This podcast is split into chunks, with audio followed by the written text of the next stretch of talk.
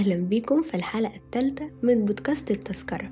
تقدر تتخيل نفسك عايش حياتك كلها في قرب وسط المية أنت وأهلك أو حتى في كوخ خشب وسط كذا كوخ برضه بس في المية مش على اليابس. الفلوس عندك ملهاش قيمة ولا العربيات ولا الأملاك والأراضي ولا حتى أي نوع من الأكل والشرب غير المية والسمك. تقدر تعوم تحت المية لمدة أكتر من ربع ساعة وبتوصل لعمق من 30 ل 50 متر من غير أدوات سباحة ولا حتى جهاز تنفس معاك تحت المية. معاك بس حاجة واحدة نضارة السباحة. مفيش حاجة عندك اسمها تعليم وتأمين مستقبل أو أخبار البلد والسياسة. تخيلت؟ بتقول طبعا دلوقتي أنا أكيد بحلم. حتى عديت حلم المدينة الفاضلة. لا لا ما تقلقش إحنا مش في حلم. تعالوا نشوف التذكرة هتودينا فين النهاردة؟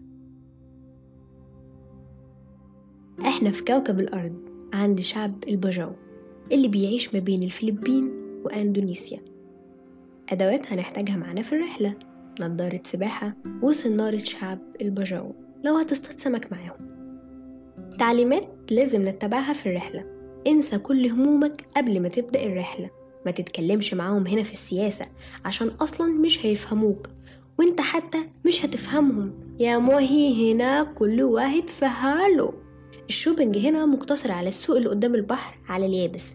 لو عايز يعني تشتري قواقع نجمة بحر أخطبوط يا سيدي أو شوية سمك نادر. ده آخرك هنا. شعب الباجاو. شعب بيعيش في سواحل شرق آسيا تبع دولة الفلبين. بعد حوالي ساعة من جزيرة بورنيو تحديدا في محمية سامبورنا. هو بصراحة شعب متشتت ما بين الفلبين وأندونيسيا وماليزيا. مفيش دولة من دول عايزة تعترف بيهم. بيعيشوا في مراكب وسط البحر أو بيوت خشب بعيدة عن الساحل معروفين باسم غجر أو بدو البحر. يعني زي ما في غجر وبدو صحراء طلع في البحر كمان غجر. سبحان الله. الدول دي بقى بتعملهم معاملة وحدي وحدي تركوني تركوني وحدي. إيش هذا؟ والله. الاتنين نفس المعنى وصوتي وحش. بس يعني بأدي عشان تفهموني. عندهم أسطورة بتقول إن هما كانوا بينتموا عادي زينا لليابس. وكان بيحكمهم ملك. طبيعي جدا. الملك كان عنده بنت. في يوم البحر أخدها منه غرقت يعني فأمر كل شعب يبحثوا عنها وفضلوا يبحثوا في البحر لغاية ما قرروا يفضلوا فيه وما يرجعوش اليابس طبعا بسبب خوفهم من الملك. في الآخر دي مجرد أسطورة يعني مش حقيقة. شعب البجاو بيتكلم عشر لغات أغلبهم إحنا عمرنا ما هنسمع عنها ومش هنفهمها أصلا. وبالنسبة للدين فهم أغلبهم مسلمين بس على المنهج السني والباقي مسيحيين. وفي جزء مش متدين بس بيعبد أرواح. أنت متخيل يا فخري؟ أرواح. هو متخيل إن في أرواح في البحر عايشة معاه بتحميه فبيعبدها. عدد حوالي السكان نص مليون فرد زي ما قلنا متشتتين ما بين الفلبين وأندونيسيا وماليزيا. كل ده بسبب الصراعات الدينية اللي ما بين الدول دي حاليا. شعب البجاو يعتبر جنس بشري كده من نوع خاص ومثال لأكبر دليل على تطور جسم الإنسان مع الزمن ومع الظروف اللي ممكن يتعرض لها. قرر باحثين في علوم الإنسان من جامعة هاواي يزوروا شعب البجاو ومعاهم جهاز متنقل للأشعة بالموجات فوق الصوتية. هما هنا هيقيسوا بيه حجم الطحال عند الشعب البجاو واتفاجئوا بالنتيجة. النتيجة كانت إن حجم الطحال أزيد بنسبة 50% من حجمه الطبيعي عند أي إنسان. الطحال هو اللي بيقدر يضخ خلايا الدم الحمراء اللي بتكون حامل الأكسجين وبتسمح لهم يقضوا وقت أطول تحت المية. اكتشفوا الخبراء كمان إن هم حاملين لجين اسمه BDE 9E هل أنت مستوعب حجم التغير اللي إحنا بنتكلم عنه؟ الجين ده بيساعدهم في تكيف الجسم مع المحيط وإنه يقضي مدة أطول في الغوص تحت المية. ممكن يفضل غطسان ربع ساعة أنت متخيل؟ من غير جهاز تنفس وفي عمق خمسين متر مثلا. وكل ده هو لازم يكون مركز جدا عشان يعرف يصطاد السمك اللي هو نازل يصطاده. بصراحة شعب البجاو ما يعرفش يعني إيه طبقية ولا صراعات وحروب. هم أصلا ما عندهمش حاجة يحاربوا عشانها. عايشين في مية البطيخ أو بمعنى أصح عايشين في مية المحيط. ناس عايشة في مراكب صيد وأكواخ بتتجوز وتخلف وتعيش حياتها كلها فيها. وقارب أو الكوخ صغير بس إحساس المساحة الواسعة حواليك للبحر بيديك إحساس باللا نهاية والارتياح نفسيا. مش قاعد في أربع حيطان فزهقان ومحتاج تخرج.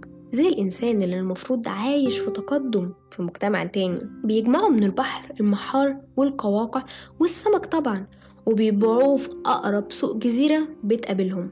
وده بيعتبر مصدر دخلهم الوحيد.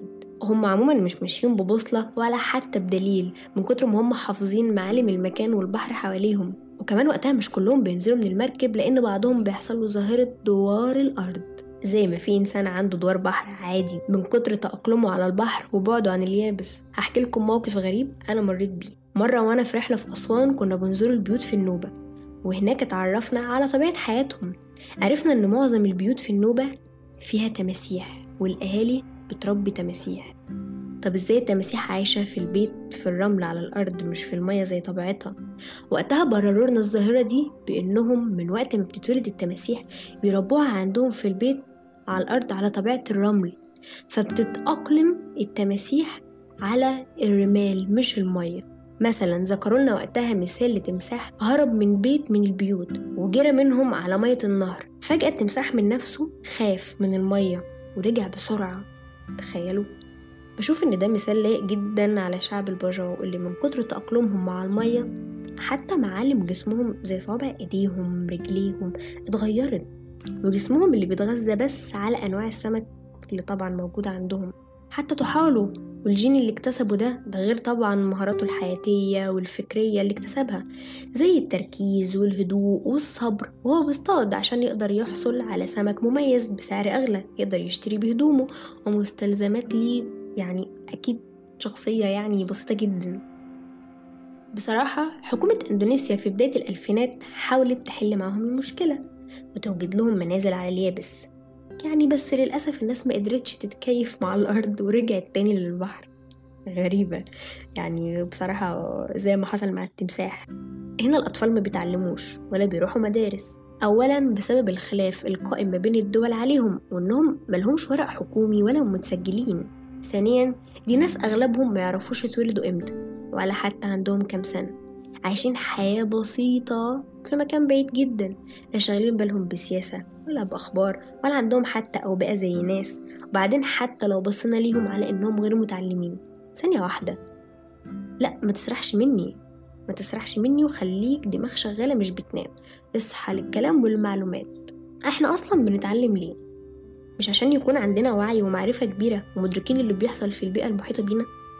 طيب دول ناس بيئتهم بتفرض عليهم يتعلموا سباحة في البحر مثلا لأن هم عايشين فيه. وبياكلوا منه. محتاجين يقضوا وقت أطول في المية يعرفوا إزاي يصطادوا. دول المفروض عليهم يصطادوا سمك وشعاب مرجانية ويطلعوا المحار والقواقع من قاع البحر بطريقة صح عشان يقدروا يبيعوها. ويطبخوا الرز ويشوا السمك على النار ويغسلوا إيديهم ويشربوا اللبن قبل ما يناموا. لا ثانية ثانية شفت أنت بتسرح مني أهو؟ أهو لبن إيه؟ يعني هيشربوا اللبن منين أصلا وهم عايشين في البحر؟ بس ها رد عليا زي ما بكلمك ما تسرحش مني. هنا دي الخبرات اللي محتاجها الجنسين كمان مش الراجل بس عشان يقدروا يتكيفوا مع البيئة حواليهم ويتجوزوا ويخلفوا وهكذا. وحياتهم ماشية ولا شايلين همهم على حاجة. مش عارفة بصراحة ده بلاء من ربنا ولا رحمة بيهم. هل ده خير ولا شر؟ بس رحمة ربنا أكيد موجودة في كل مكان حوالين عباده وهو أعلم بحال كل واحد ويمكن ده المناسب ليهم. الله أعلم.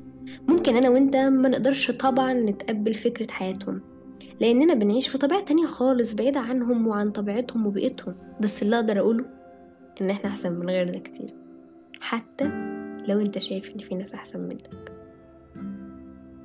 رحلتنا النهاردة في أندونيسيا مع شعب الباجاو أو غجر وبدو البحر عموما للأسف خلصت.